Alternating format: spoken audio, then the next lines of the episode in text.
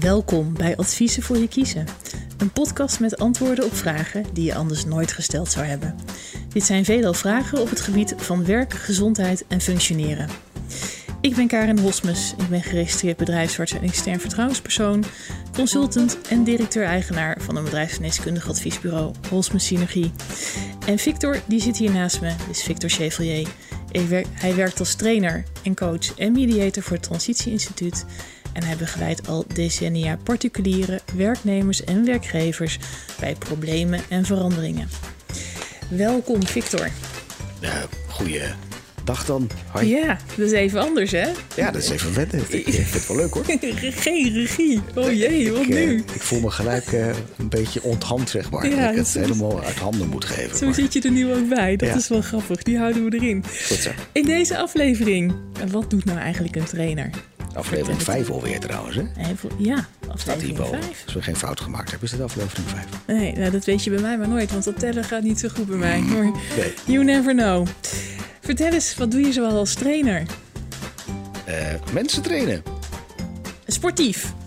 Ja, ook. Ja, trouwens. Ja. Echt? Ja, ja daar, dat doe ik dan niet zelf. Daar, daar hebben we mensen voor die er veel beter in zijn dan dat ik dat ben. Maar uh, nu je dat aspect aanspreekt, is best wel leuk trouwens. Kunnen we ook nog een, een aflevering voor maken. Echt waar?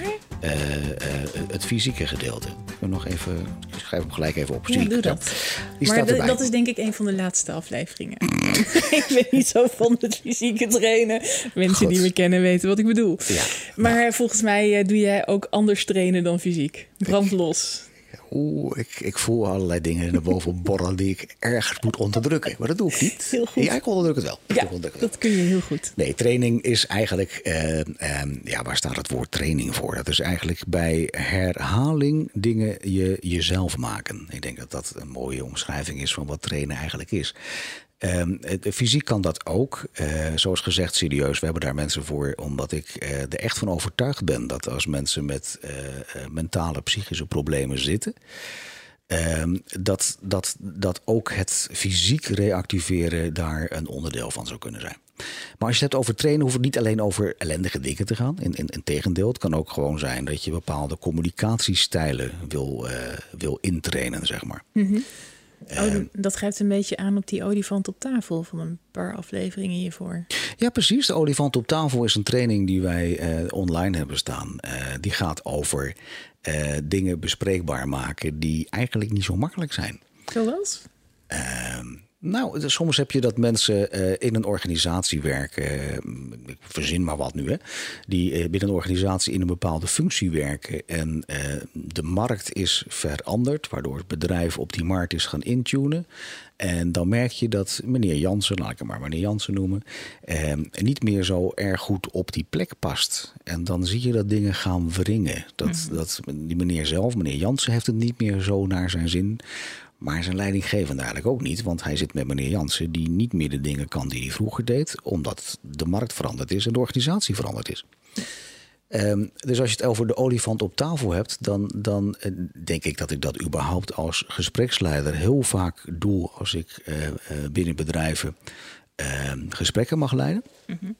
um, maar je kunt ook mensen daarin trainen. In de zin dat je, dat je vaak merkt als je bij een gesprek alleen al aanwezig bent, dat je hoort dat er allerlei eh, signalen zijn van, van wat dan bij, met die meneer Jansen aan de hand is. En mhm. dat de organisatie allerlei dingen vindt. Maar meneer Jansen vindt ook allerlei dingen. Um, dan is die olifant op tafel is eigenlijk het, het uh, trainen om, om te luisteren naar de signalen die tussen de regels door uh, te beluisteren zijn. Mm -hmm. En daarop in te tunen. En dan, dan dat bespreekbaar te mogen maken. Van meneer Jansen, ik roep hem even uit, zo'n voorbeeld. Ja. Meneer Jansen, ik kan even goed meneer De Vries noemen, maar meneer Jansen. Um, ik hoor dat u zegt dat u eh, eigenlijk het nog steeds heel fijn binnen deze organisatie vindt. En dat u de functie ook nog wel leuk vindt. Maar dat wel leuk, daar heb ik een beetje moeite mee. Want het klinkt ook een beetje alsof het niet meer zo leuk is als vroeger. Nee, zegt meneer Jansen dan, dat klopt. Het is, het is een beetje veranderd en daar heb ik wat moeite mee.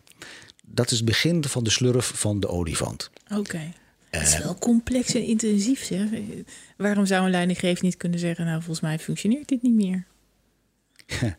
um, omdat het vaak niet in de, in de meest praktische zin aanwijsbaar is. Mm -hmm. uh, vaak heb je het over beroepen... Uh, die niet simpelweg een meubelmaker is. Je kunt een meubelmaker hebben. Op een gegeven moment kun je met die meubelmaker om de tafel gaan zitten. Maar joh, die, die stoel van jou, mhm. die mist een poot. Dus dat gaat niet goed meer. Het is heel simpel. Ja.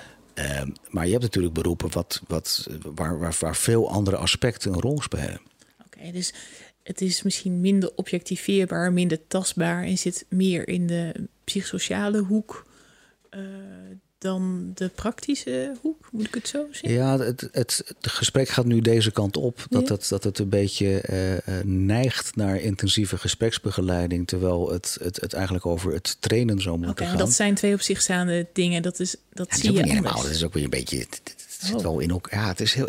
Eigenlijk, als je dit zo vraagt, denk ik, een heel ingewikkeld beroep eigenlijk. Dat is wel waar. Ja, ja, dat je ingewikkeld was, wist ik al. Maar dat het beroep ook zo ingewikkeld was. Nee, maar serieus, even. Dit, is, dit was een inkoppertje. Maar het is best lastig, hè? Waar ligt de scheidslijn tussen wanneer train ik en wanneer ga ik misschien veel meer interpersoonlijk met iemand aan de slag in zijn vaardigheden? Ja. Ja. ja, maar dat klopt. Het is, ook, het is ook altijd proberen aan knoppen te draaien om eerst maar op onderzoek te gaan of die knoppen er überhaupt zijn. Ja. En als je zo'n knop gevonden hebt, wat bijvoorbeeld dan zou kunnen zijn dat je iemand ehm, vaardiger maakt, mhm. dan zit daar wel een, een, een bepaalde limiet aan. Je, kunt, je kunt niet iemand die. Uh, ik ben maar 1,70 meter groot. Ja. Ik, je kunt mij niet 1,90 meter maken. Nee, precies. Maar je kunt me wel laten bukken. Ja. Snap je? ja. ik zie je ook kijken wat zeg je nou dan weer?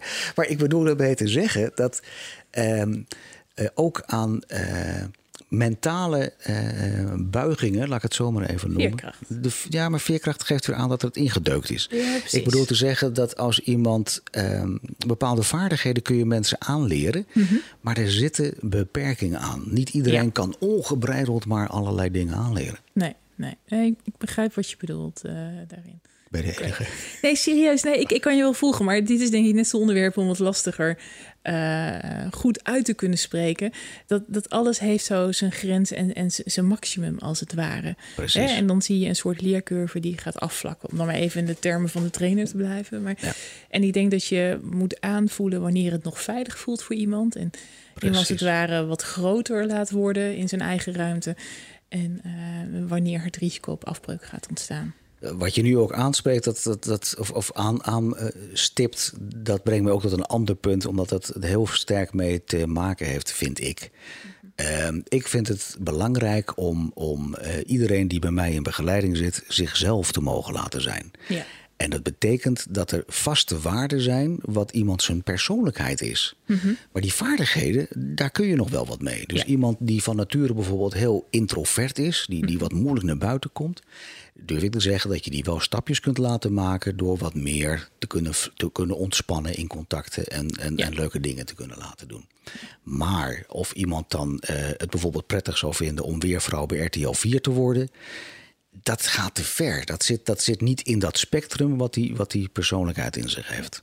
En soms word je verbaasd. Ik bedoel, kijk eens, we zitten hier in de podcast en misschien hadden we dat 20, 30, 40 jaar geleden ook niet bedacht. Eh, nee, toen bestond de podcast ook nog niet. Ik ook nog bijna niet. Maar. Ehm, Is dit. Goed, ik geloof dat wij een tune gaan starten. Ik geloof dat we gaan eindigen. Dat we te dichtbij komen met deze training. Goed. Goed. We hebben het nu bij deze gehad over training. Trainingen. Oké. Dit was een aflevering van Adviezen voor je kiezen, onderdeel van de Braadkast. Een podcast met antwoorden op vragen die je anders nooit gesteld zou hebben.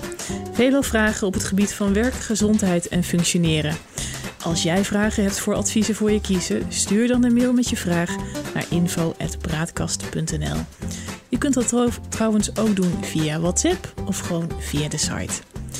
Deze podcast wordt je aangeboden door Holsme Synergie en het Transitie Instituut. En met dank aan Hans Selmaker van Studio 0317 voor de nabewerking. Dankjewel voor het luisteren naar adviezen voor je kiezen en graag tot de volgende aflevering.